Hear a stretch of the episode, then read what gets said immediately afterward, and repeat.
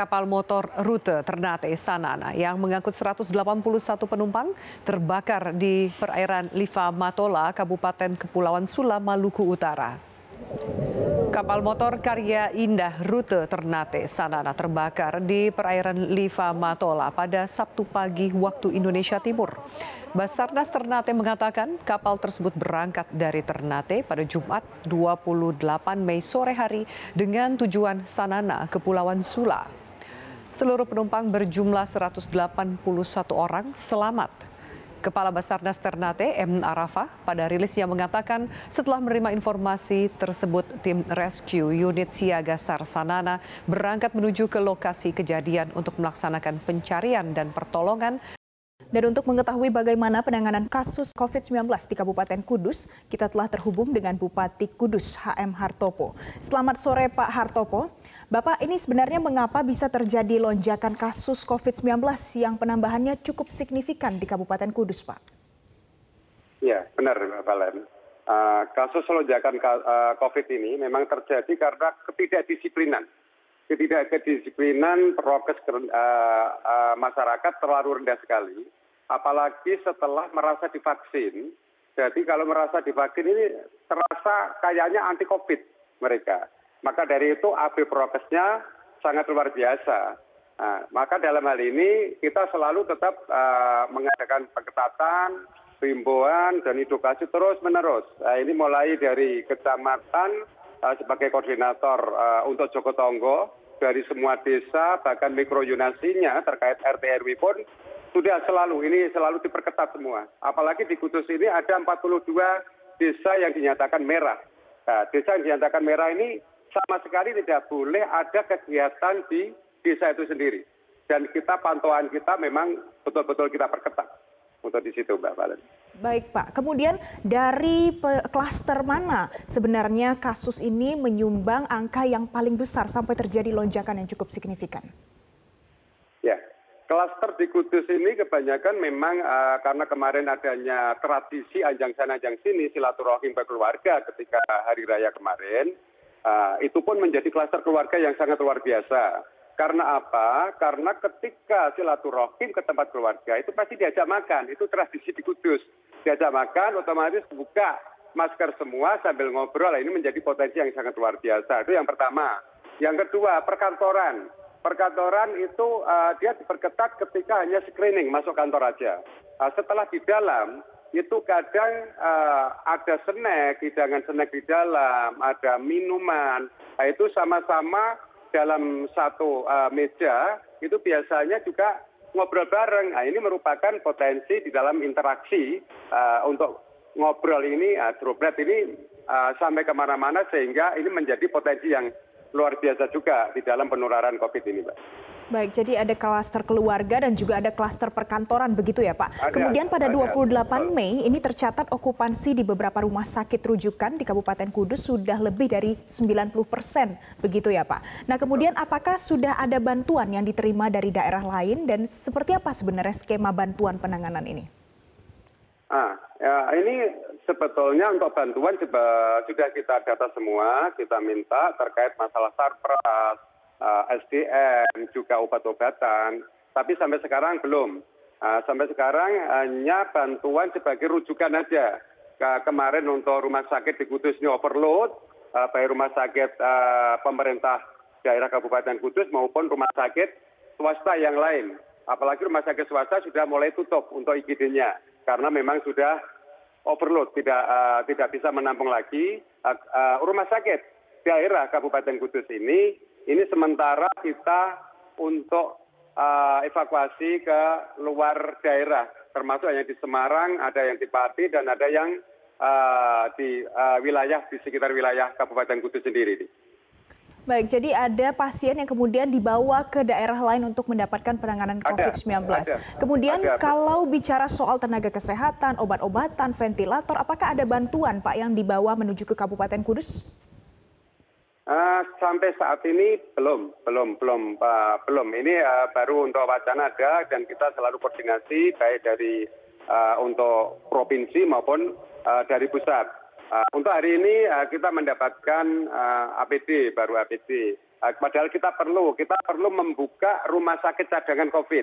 Yang di sini di kudus ada di rumah di gedung akbid. Akbid itu akademi kebidanan ex akademi kebidanan. Itu sekarang kosong kapasitasnya sampai 80 sebetulnya. Tapi kita efektifkan sekitar 50 uh, ini connect dengan rumah sakit umum daerah. Aksesnya juga connect persis uh, untuk di sampingnya jadi ini kita buka tapi kita kekurangan untuk SDM-nya sarprasnya juga kurang. Sementara yang kita taruh di sana adalah untuk infus saja, sama untuk oksigen itu pun juga kekurangan. Nah, yang lain untuk uh, isolasi pemusatan di Kudus ini ada sekitar 400-an, termasuk di Rusunawa, ada di hotel, juga ada di tempat diklat dan lain-lain. Nah, ini sementara masih uh, terisi tapi tidak seberapa. Uh, tapi mudah-mudahan uh, dengan uh, adanya kasus seperti ini mungkin dari provinsi maupun dari pusat segera kita uh, ada bantuan secepatnya uh, guna untuk menangani uh, kasus COVID yang ada di Kabupaten Kudus ini. Baik Pak, kemudian sampai dengan sore ini sebenarnya ada berapa tambahan pasien yang terkonfirmasi positif COVID-19 di Kabupaten Kudus Pak? Untuk update tadi malam, tadi malam itu ada 241 lagi ya. Nah, jadi total sekarang ini ada 1032. Dan ini kelihatannya yang untuk tapi belum dirilis. Sementara ini ada sekitar 200-an mungkin hari ini, tapi belum dirilis jadi belum kita uh, memasukkan uh, mudah-mudahan uh, untuk yang terbesar atau mungkin yang tertinggi untuk hari ini aja. Untuk mulai hari Minggu Senin uh, berikutnya sudah bisa menurun. Jika kita bicara soal pelacakan pasien lain, Pak, seperti apa upaya testing dan juga tracing COVID-19 yang dilakukan di sana agar lebih optimal dan maksimal? Uh, tentunya testing dan tracing uh, sudah kita lakukan, apalagi uh, menjelang hari raya kemarin. Menjelang hari raya kemarin kita adakan penyekatan, adakan uh, checkpoint, yang setiap pintu-pintu masuk Kabupaten Kudus kita adakan untuk petugas gabungan uh, termasuk dinas kesehatan yang selalu untuk uh, uh, untuk memberhentikan bis-bis yang mau masuk di Kudus atau mobil-mobil pribadi yang masuk di Kudus untuk diadakan testing juga tracing untuk semuanya. Dan ini pun kita uh, mengadakan testing dan tracing secara masif untuk di Kudus ini.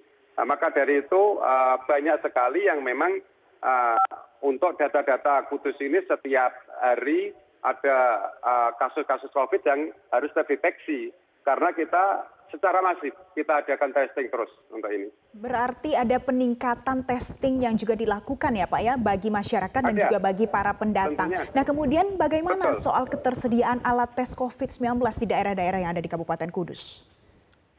Untuk tes COVID di Kudus ini uh, baru ada PCR, uh, memang satu kapasitasnya cuma hanya 100 untuk per hari.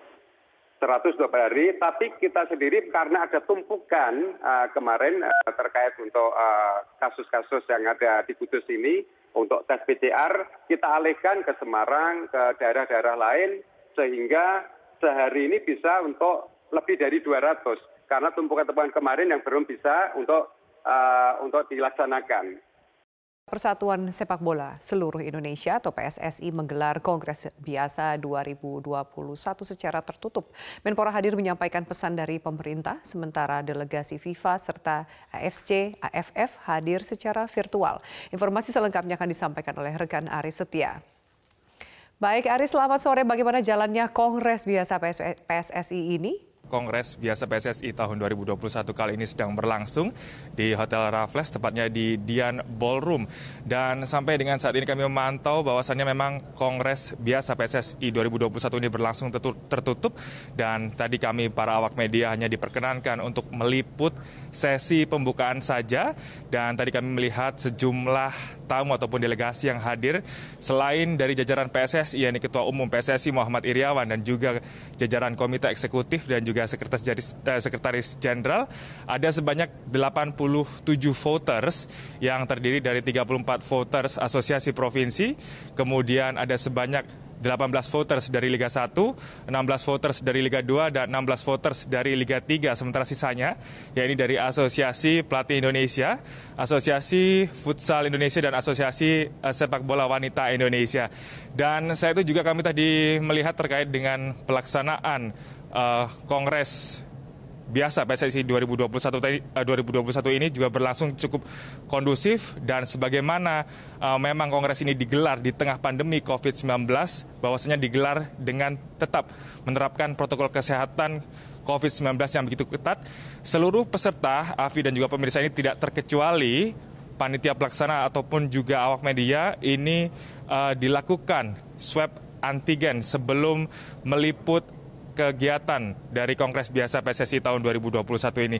Dan tadi uh, Menteri Pemuda Olahraga Republik Indonesia Yani Zaiduddin Amali sempat menyampaikan sejumlah pesan kepada awak media seusai membuka Kongres Biasa PSSI 2021 ini bahwasannya saat ini tingkat kepercayaan masyarakat terhadap sepak bola Indonesia ini terus meningkat dan hal positif tersebut tentu saja harus tetap dijaga dan Kongres Biasa PSSI 2021 ini adalah salah satu bentuk cerminan yang menunjukkan bahwa pengelolaan sepak bola di Indonesia saat ini sedang dalam kondisi baik.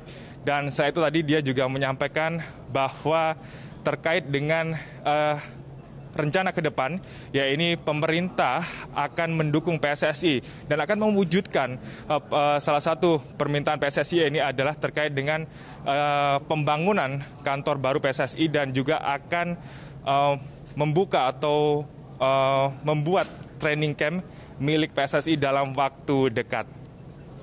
Empat perwakilan geng motor di Sukabumi, Jawa Barat menyerahkan atribut kebanggaannya kepada Polres Sukabumi Kota menyusul teror geng motor yang mengakibatkan satu orang mengalami luka senjata tajam. Para perwakilan geng motor mendeklarasikan diri untuk menghentikan aksi teror.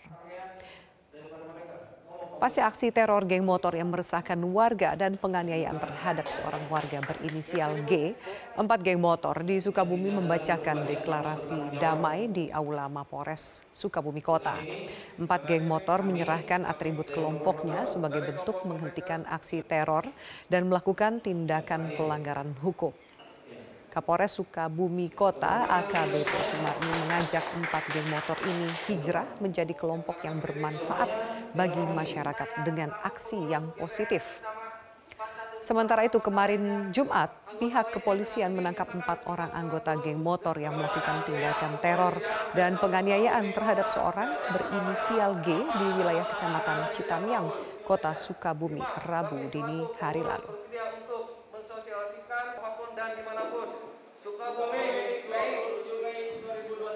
Mereka tadi sudah mendeklarasikan dan tidak akan lagi menggunakan atribut-atribut yang kemarin digunakan di kelompoknya masing-masing dan akan menjadi manusia yang lebih baik, tidak lagi melakukan tindakan-tindakan pelanggaran hukum, tindakan yang meresahkan warga masyarakat.